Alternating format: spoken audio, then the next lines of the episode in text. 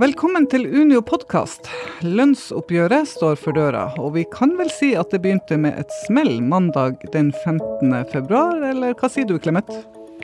Ja, det var jo en flying start. Eh, da kom tallene fra det tekniske beregningsutvalget, de foreløpige tallene, og anslaget på prisveksten, så da var jo det hele i gang. Ja. Clemet Rønning Aaby, du er forhandlingssjef i Unio. Og i denne episoden av Unio podkast skal vi snakke om årets lønnsoppgjør. Og det smellet som kom, det var altså den 15. februar, og det var den såkalte TBU-rapporten som kom. Eh, som viste at eh, vår gruppe ikke kom så veldig godt ut.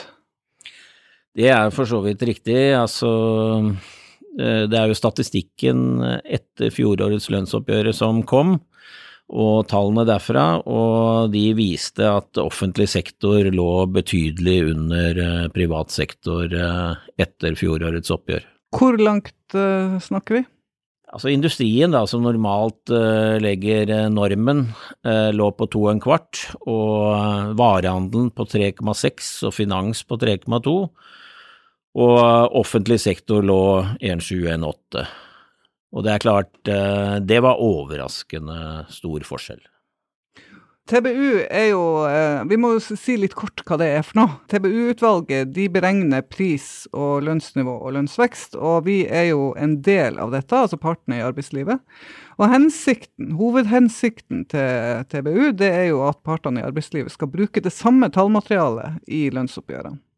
Dette er altså en veldig viktig del av lønnssystemet og også den norske modellen, da, kan vi si. Hvorfor ble vi så provosert eh, av eh, at vi lå på det nivået vi lå på?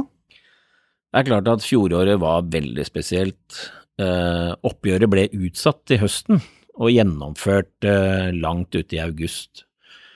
Og da anslaget for eh, frontfaget forelå, telte vi jo 21. august, og det er klart da hadde åtte tolvdeler av året gått, så det anslaget burde jo være ganske presist, gitt den informasjonen man hadde. Men eh, usikkerheten var for så vidt til stede da også, så det er ikke noe til å komme fra det.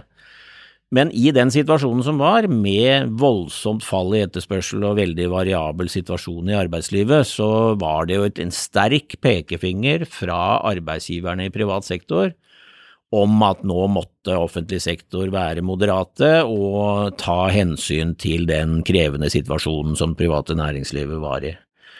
Eh, og det er klart, eh, det fulgte offentlig sektor lojalt opp. Men det var ingen lett øvelse. Eh, det var altså en dramatisk endring av forutsetningene, både i økonomien og i forutsetningene for lønnsvekst, som gjorde at vi måtte endre eh, inngangen betydelig, og det var krevende. Veldig krevende når vi har store grupper som har stått i front i koronasituasjonen hele tida. Eh, men det gjorde vi, og det ble et resultat som var helt i samsvar med den normen som ble satt. Og da er det ganske provoserende når du ser eh, privat sektor, varehandel, finans eh, og industri og industrifunksjonærer, som det er naturlig for oss å sammenligne med, ligger betydelig over. Altså et halvt eh, til halvannet prosentpoeng til to prosentpoeng nesten, over. Og det er ganske kraftig. Og det er en direkte provokasjon og en finger i øyet på offentlig sektor, som tross alt hele samfunnet er avhengig av. Ja. Um, nå er det sikkert veldig mange av våre lyttere som, som, kjenner til lønnssystemet og frontfaget og sånn, men vi kan bare kort si at frontfaget det betyr at det er industrien, altså den konkurranseutsatte industrien, som forhandler først, og det resultatet de kommer frem til, danner normen for alle andre oppgjør, også i offentlig sektor. Og våre medlemmer, 90% av dem, jobber i offentlig sektor. Så dette er veldig viktig for oss. Du, Vi møttes i dette studioet i juni i fjor. Da snakka du om at oppgjøret kom til å bli nøkternt. Prisveksten var lav, og industrien sliter, og vi sto midt i en pandemi, sa du. Våre medlemmer har kanskje aldri fortjent mer enn noen gang enn nå, sa du. Samtidig har vi aldri opplevd å ha så lite penger å rutte med. Det er dilemmaet vi står i, sa du. Du snakka på en måte ned forventningene til våre medlemmer. Um, føler du deg lurt nå når du ser resultatet? Uh, nei, jeg gjør ikke det. Altså, den rapporten som var grunnlaget for den samtalen vi hadde da, det var den endelige rapporten fra Teknisk beregningsutvalg, som beskrev en svært krevende økonomisk situasjon, og dette var før sommeren, ikke etter.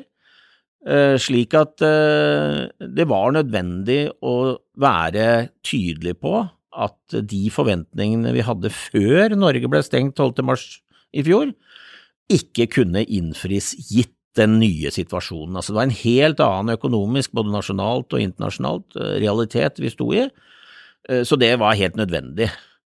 Men når det er sagt, så var det overraskende utslag som kom nå, når vi ser fasiten i etterkant. Etterpåklokskap er jo en klokskap, det òg, eh, og vi får bruke den for det han har vært. Men eh, realiteten nå er eh, at vi føler oss i hvert fall klare for å få tilbake det tapte ved første korsvei.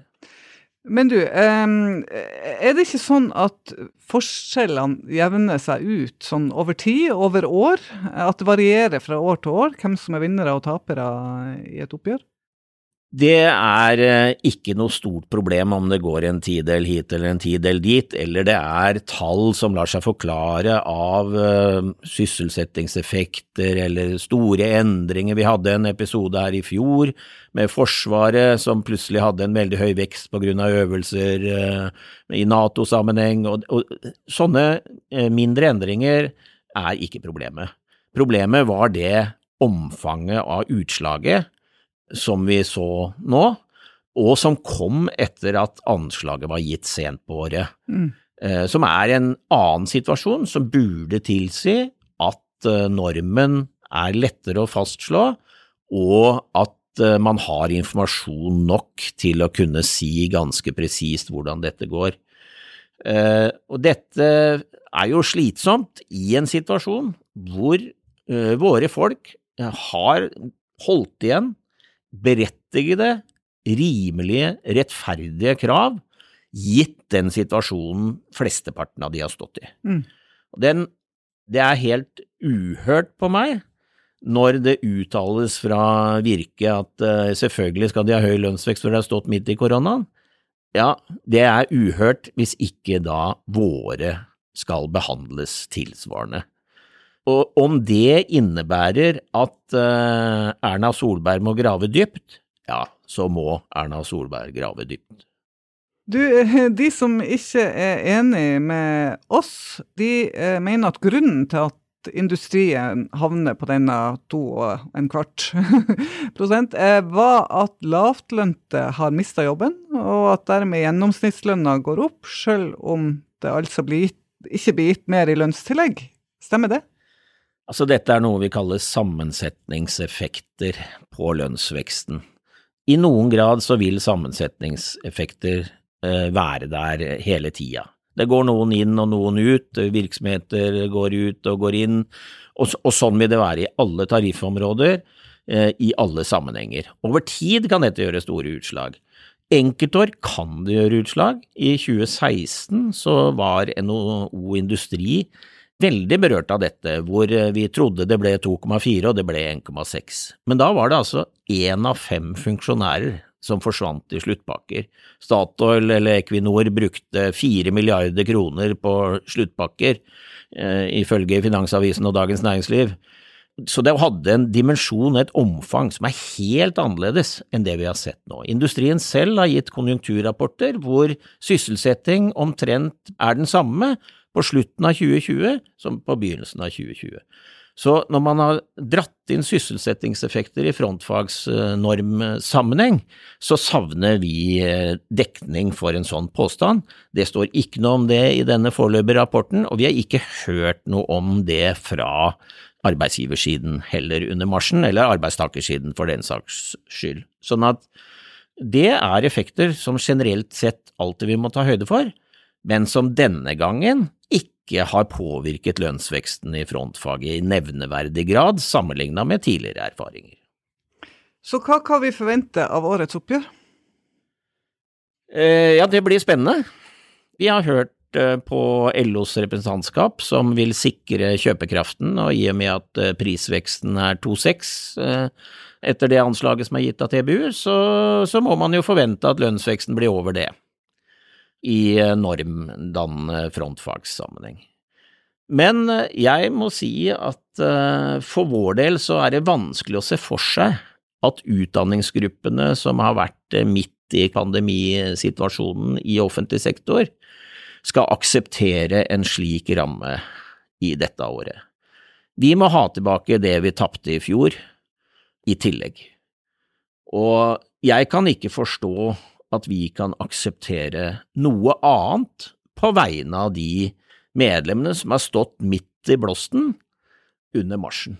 Og er det opp til meg personlig, så mener jeg vi skal sette hardt mot hardt på det, om nødvendig. Arbeidsgiversiden vil naturlig nok aldri dele ut noe på forskudd her, sånn at eh, vi vet ikke helt hvor de står hen, og de har en sånn eh, budsjettenkning som er ganske stram. Men eh, jeg tror ikke det er noe alternativ hvis vi ikke skal se en kvalitet på offentlige tjenester som forvitrer i økende utstrekning. Det er rekrutteringsproblemer, det er problemer med å beholde kvalifiserte, eh, tilstrekkelig utdanna personell i viktige funksjoner i Velferds-Norge, og de må tilgodeses betydelig grad denne gangen. Det kan bli et, uh, en artig vår, dette, Clemet? det kan bli varmt om øra, mm. men uh, det er vi vant til å leve med. Og nå tror jeg at uh, noen enhver bør bidra til gode løsninger på disse utfordringene, både av hensyn til velferden på kort sikt, men også på lang sikt. Peker du på Erna, da? Jeg peker på arbeidsgiversiden og de som finansierer offentlig sektor, at de må kjenne sin besøkelsestid. Vi sier takk til deg, Clemet, eh, så langt. Eh, vi kommer til å høre veldig mye mer til deg i, i denne våren, det er jeg sikker på. Takk skal du ha. Takk skal du ha. Flere Unio-podkaster finner du der du hører podkaster, eller gå inn på unio.no slash podkaster. Vi høres.